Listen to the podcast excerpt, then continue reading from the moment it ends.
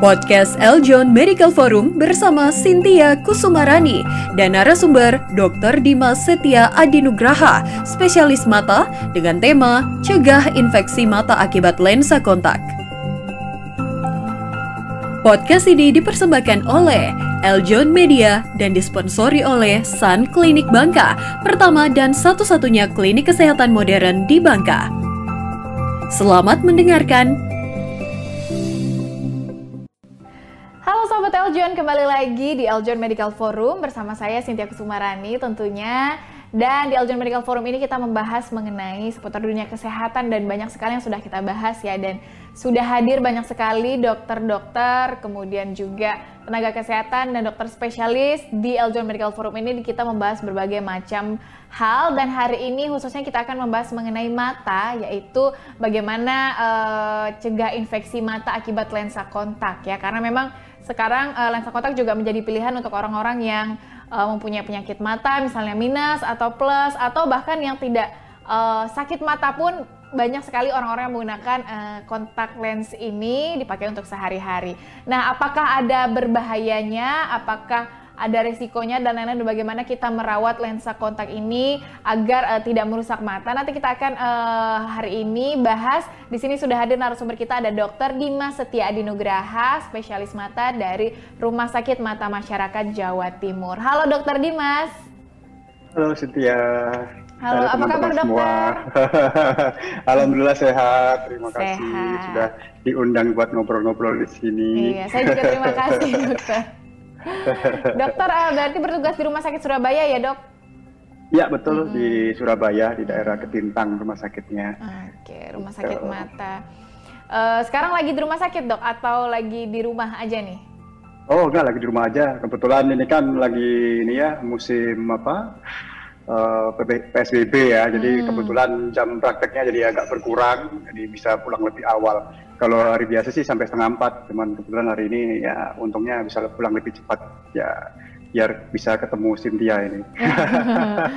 Oke, terima kasih loh dok okay. hari ini sudah menyempatkan. Dan uh, dokter hari ini kita akan membahas mengenai lensa kontak ya dokter ya. Dan mm -hmm. sebenarnya mau tanya, okay. mau tanya dulu nih dokter sebelum kita membahas lensa kontak, mengapa nih dokter Dimas memilih uh, spesialis mata Kan banyak nih spesialis yang hmm. lain nih, kenapa memilihnya uh, dokter spesialis mata? ya menurut saya emang uh, menarik ya mata itu. Kebetulan kan uh, saya juga orangnya suka IT nih, suka apa lensa, suka kamera gitu ya, suka hmm. kamera, suka hobi. Salah satu hobi saya memang fotografi. Jadi menurut saya mata nih menarik sekali karena dia kan kayak kamera dia ininya, mekanismenya seperti kamera ya. Hmm. Apalagi uh, mata menurut saya ini sangat penting sekali karena mempengaruhi kualitas hidup seseorang gitu. Hmm. Jadi kadang-kadang orang walaupun apa namanya sehat, tapi kalau tidak bisa melihat, pasti kualitas hidupnya akan sangat menurun. Jadi itu yang membuat uh, saya uh, pengen lah jadi dokter spesialis mata supaya bisa membantu untuk melawan kebutuhan di Indonesia hmm. gitu. Oh, luar biasa. Jadi memang udah senang uh, fotografi juga ya dokter ya. Uh, betul. Oke, pantesan hari ini mirip, memang mirip kameranya sangat-sangat bagus nih dokter. Ternyata memang paham akan fotografer dan kamera. Mainannya kamera tiap hari. Oke, oke baik dokter. Uh, kita membahas hari ini mengenai lensa kontak ya dokter ya. Mungkin yang uh, pertama yang akan saya tanyakan sebenarnya lensa kontak ini apa sih dokter terbuat dari apa gitu? Sebenarnya digunakan untuk apa saja? Silakan dokter Dimas. Eh, jadi uh, apa sih lensa kontak itu? Ya, pada intinya kita anu ya uh, lensa kontak memang pada umumnya digunakan untuk mengkoreksi kelainan refraksi. Jadi yang kita kenal kelainan refraksi itu seperti ini mata minus, ya yang kita kenal secara umum aja ya, secara umum secara awam adalah mata minus, mata plus, mata, ataupun uh, mata silinder, hmm. atau juga uh, kalau pada orang tua ada namanya presbiopia atau, atau orang ngomong mata tua, itu juga plus. Jadi memang kesulitan membaca jarak dekat seperti itu. Jadi uh, sebetulnya koreksi refraksi ini uh, ada beberapa macam cara. Yang pertama adalah penggunaan kacamata yang paling gampang ya, paling salah satu juga saya dipakai kacamata. Kedua bisa pakai lensa kontak, memang ya dengan lensa kontak sebagai alternatif dan juga uh, terakhir ada namanya operasi operasi lasik. Jadi hmm. untuk mengkoreksi uh, mata minus plus atau silinder itu kita dengan sinar laser kita koreksi uh, kelainan refraksi tersebut. Hmm. Nah, uh, jadi lensa kontak adalah salah satu uh, cara untuk uh, memperbaiki kelainan refraksi. Terbuat dari apa? Ya dia memang uh, banyak sebetulnya macam-macam hmm. ya. Karena uh, ya paling gampang dia mirip seperti silikon lah secara awam mirip seperti silikon. Sebenarnya yang saya kotak ada beberapa jenis nih ya. Jadi mulai dari yang berbahan uh, apa namanya uh, rigid atau keras. Jadi ada yang keras, cuman yang sering kita kenal di apa namanya di secara umum adalah soft lens ya orang umum punya soft lens itu adalah kontak lens yang berbahan soft Nah, gini masing-masing memiliki kelebihan dan kekurangannya gitu. Hmm. Uh, cuman pada umumnya yang paling sering dipakai memang soft lens karena dia uh, lebih nyaman gitu, lebih nyaman untuk hmm. sehari-hari. Jadi intinya uh, untuk koreksi untuk dipakai sehari lebih lebih enak lah gitu. Hmm. Uh, kita mau bahas kelebihan kekurangannya nanti atau bagaimana nih? Ya boleh boleh dokter. Uh -uh antar eh, nah, softland dengan uh, yang satunya yang, yang hard, hard ya. Uh, hmm. Yang ya uh, jadi ada dua yang tadi ada yang soft dan yang rigid lah ya atau hmm. keras tadi. Jadi intinya uh, yang keras kelebihannya adalah dia memang lebih clear sebetulnya, lebih enak lah, lebih terang gitu ya, hmm. lebih terang, lebih awet juga. Otomatis kan kalau bahannya keras kan dia nggak gampang rusak kan ya, jadi hmm. dia lebih hmm. uh, karena dia lebih rigid, jadi dia lebih tahan banting lah istilahnya ya seperti itu. Namun dia memiliki kekurangan adalah tidak nyaman karena keras tadi. Ya bisa dibayangin kan kita kok masang sesuatu yang keras di mata kan pasti iya. nggak enak ya gitu. Jadi dia akan lebih uh, apa posisinya lebih kurang nyaman, terus resikonya juga dia bisa mengabrasi, jadi bisa menggores mata seperti itu dan juga dia uh, untuk apa namanya sirkulasi udara. Jadi mata kita itu membutuhkan oksigen.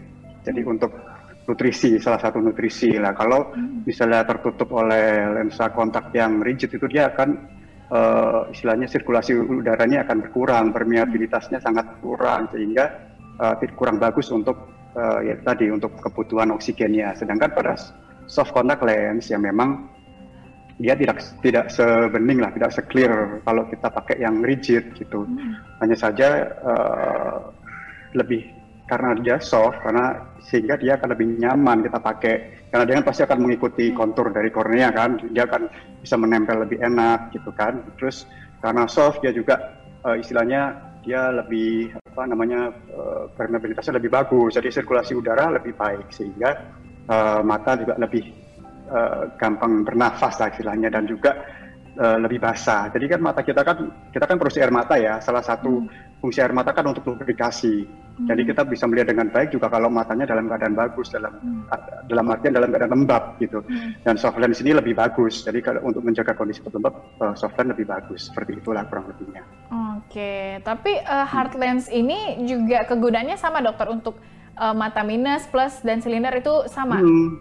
Betul. Okay. Jadi memang untuk yang uh, tipe yang keras itu hmm. kurang lebihnya sama. Cuman ya sebetulnya sudah mulai ditinggalkan juga sih itu jarang dipakai kecuali pada kasus-kasus tertentu memang gitu hmm. jadi kan ada memang yang uh, jadi kontak lens ini sebetulnya nggak cuma buat kelainan refraksi aja jadi hmm. ada fungsi lain seperti fungsi terapeutik atau fungsi untuk sebagai pelindung kadang-kadang pada mata yang memang ada kerusakan kornea seperti itu. Jadi misalnya korneanya nggak bagus, entah itu karena sejak lahir atau mungkin riwayat trauma gitu kan, kadang-kadang mungkin kecelakaan atau apa itu yang membuat kornea nggak bagus. Itu kadang-kadang juga kita pas kita kasih uh, uh, lensa sesuai kebutuhan gitu ya bisa yang bisa yang keras bisa yang lunak. Tapi pada intinya mungkin yang lebih karena lebih banyak digunakan yang soft lens sih. Jadi mungkin jadi menurut saya sudah mulai ditinggalkan untuk yang uh, lensa kontak yang keras untuk pemakaian sehari-hari seperti itu. Oke, baik. Oke. Hmm. Uh, saya juga jarang sih dokter yang mendengar orang yang sekarang masih menggunakan hard lens ini. Mungkin juga iya, banyak betul. orang yang baru tahu hari ini ternyata ada selain soft lens itu ada, ada juga hard keras, lens. Iya.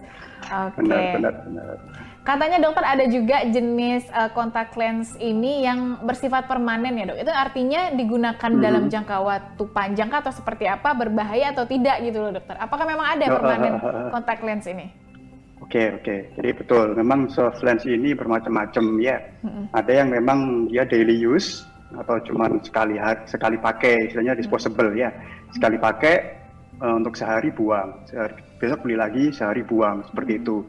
Ada memang yang jangkanya menengah, jadi istilahnya jadi ada macam-macam. Ada yang antara uh, bisa sampai uh, apa namanya mingguan atau sampai bahkan bulanan atau tahunan gitu ya. Jadi mungkin kalau permanen saya kurang ini ya, uh, istilahnya kurang familiar sebetulnya kalau istilah permanen. Jadi mungkin mungkin dia untuk yang jangka panjang bisa sampai setahun mungkin ya.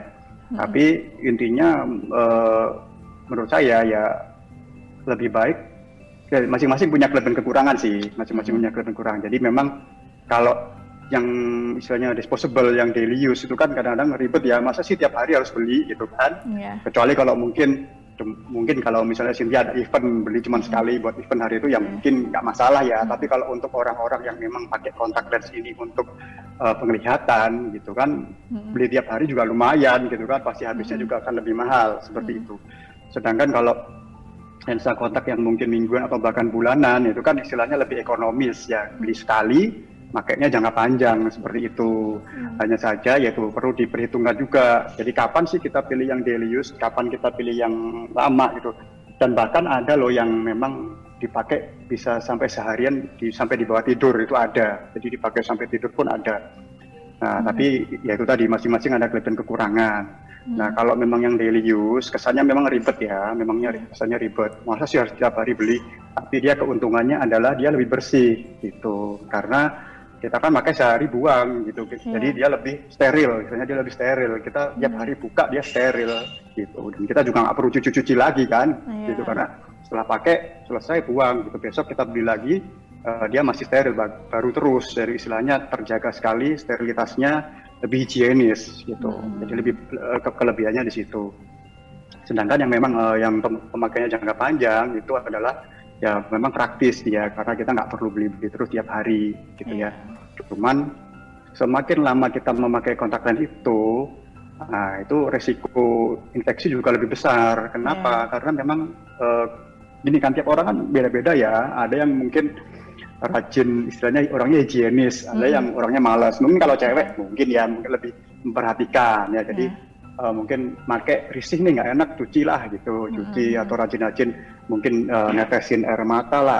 air mata buatan atau gimana lebih lebih lebih rajin cuci lah tapi kadang-kadang kalau cowok-cowok ini kan kadang-kadang mungkin ya mandi aja mungkin cuma sekali sehari hmm. kayak gitu kan yeah. jadi mungkin untuk jadi mungkin untuk membersihkan kontak lens setiap hari buat nyopot, bersihin, nyimpen itu hmm. ya mungkin lebih males atau malah bahkan cuek aja dipakai tidur gitu. Nah, itu cukup berbahaya karena kita dalam beraktivitas sehari-hari pasti kan terpapar uh, macam-macam ya, apalagi kalau memang kerjanya di luar, misalnya yeah. Iya.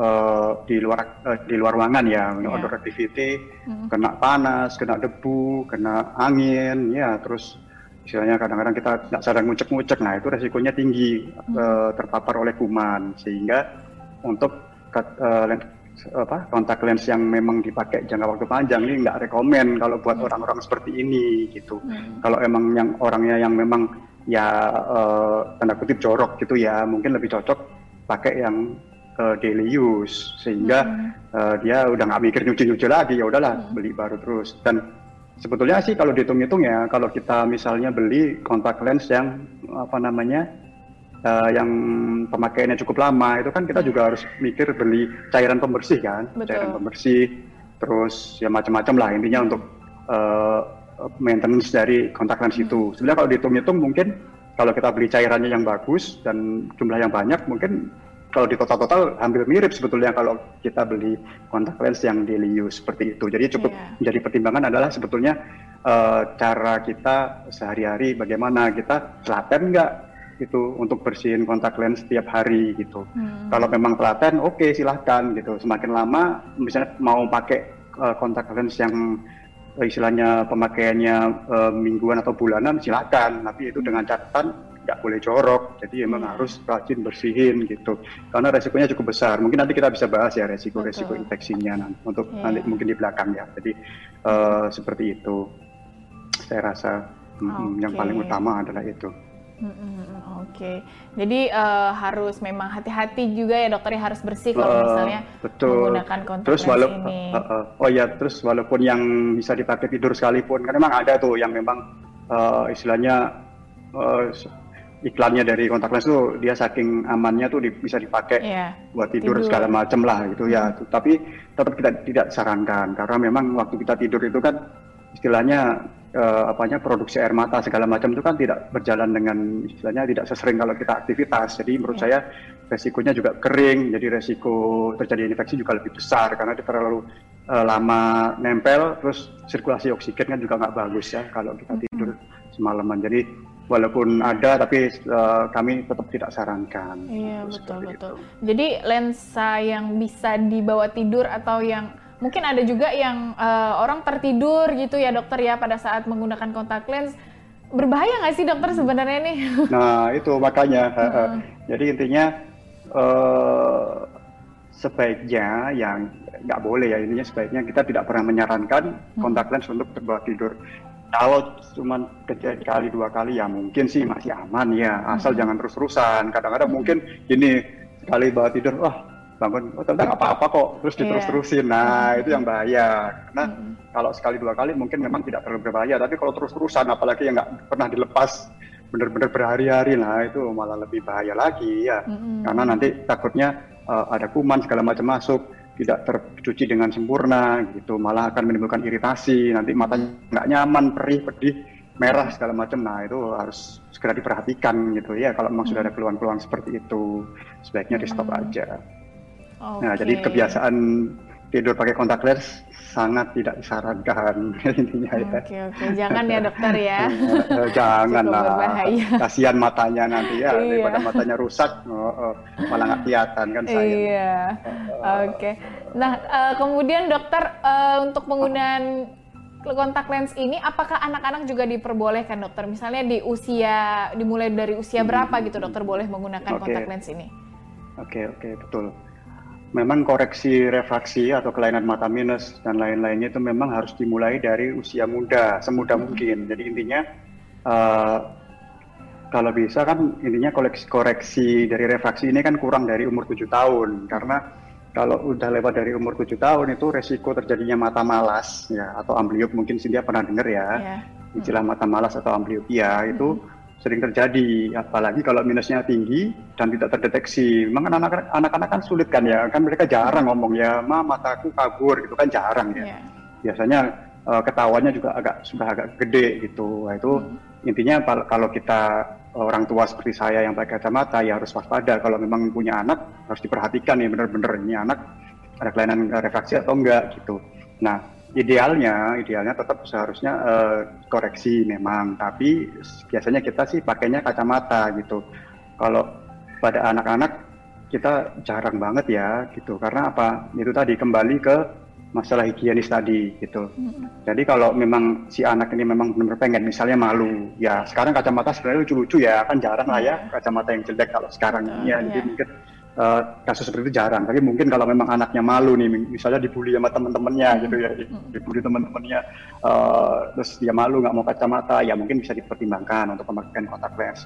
Kalau untuk umur tertentu sih sebenarnya uh, uh, ada patokan ya. Jadi yang penting ini anak uh, sudah cukup kooperatif gitu. Ya dalam pengertian dia higienis. Di, uh, orang tuanya yakin nggak ini anak nggak uh, ya jorok tadi itu. Ya jadi takutnya hmm. namanya anak-anak kan tahu sendiri kan jadi kalau anak-anak kan kadang suka main di luar main-main pasir apa terus tahu-tahu kucek-kucek mata. Lah itu kan sangat berbahaya sekali kalau kalau dia pakai kontak lens gitu. Jadi kalau masalah umur tidak ada patokan khusus. Tapi ya mungkin untuk gampangannya mungkin uh, kalau anak-anak yang sudah mulai uh, sudah bisa diajak ngomong lah ya, sudah bisa dikasih tahu bagaimana, ya itu mungkin kisaran mungkin umur-umur 8-10 tahun lah ya, jadi kalau udah mulai sekolah SD mungkin sudah mulai boleh lah pakai kontak lens, tapi dengan catatan itu tadi tidak boleh jorok, jadi ibunya juga harus memperhatikan terus ini penggunaan kaca uh, penggunaan kontak lensnya gimana. Tapi menurut saya uh, tidak disarankan, lebih baik pakai kacamata aja karena lebih aman gitu ya. Hmm. Walaupun mungkin kacamatanya tebel apa ya, mungkin dicariin lah kacamata yang mungkin lucu-lucu gitu ya, hmm. yang lucu-lucu hmm. biar anaknya suka make, yang yang bahannya juga enak, yang soft kan kalau kacamata anak kadang-kadang ada yang istilahnya kayak karet gitu jadi lebih enteng lebih lebih enak dipakai lah seperti itu mungkin di, di gimana caranya diindus untuk anaknya ini mau pakai kacamata jadi kontak lens itu pilihan terakhir lah menurut saya kalau untuk anak-anak. Jadi sebaiknya tetap kacamata dulu aja.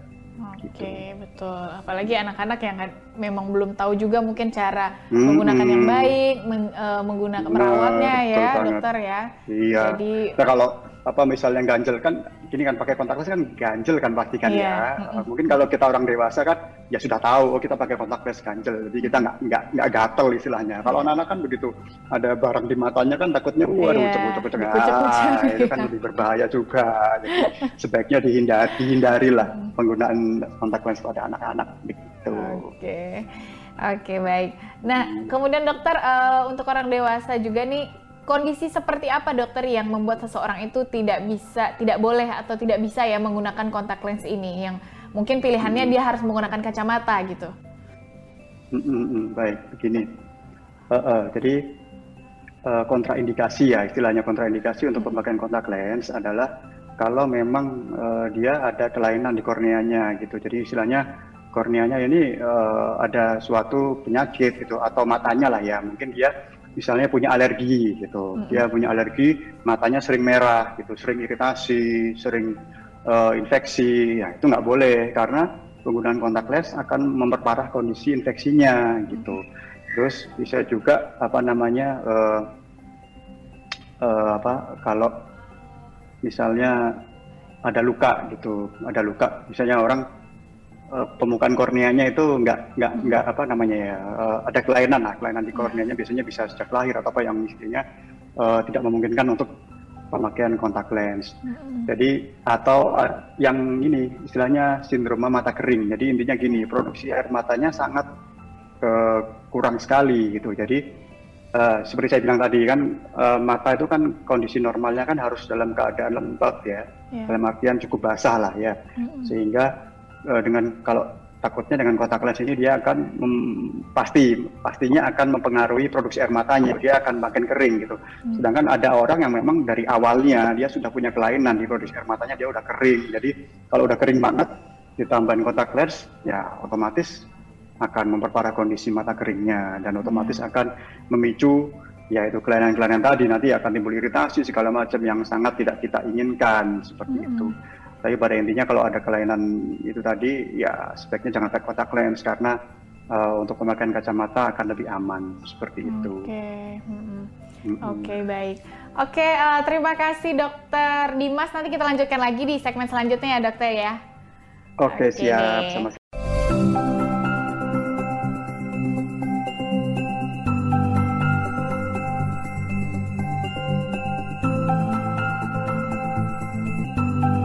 Terima kasih telah mendengarkan podcast Eljon Medical Forum, persembahan dari Eljon Media dan disponsori oleh Sun Clinic Bangka, pertama dan satu-satunya klinik kesehatan modern di Bangka. Jangan lupa follow podcast Eljon Medical Forum di Spotify.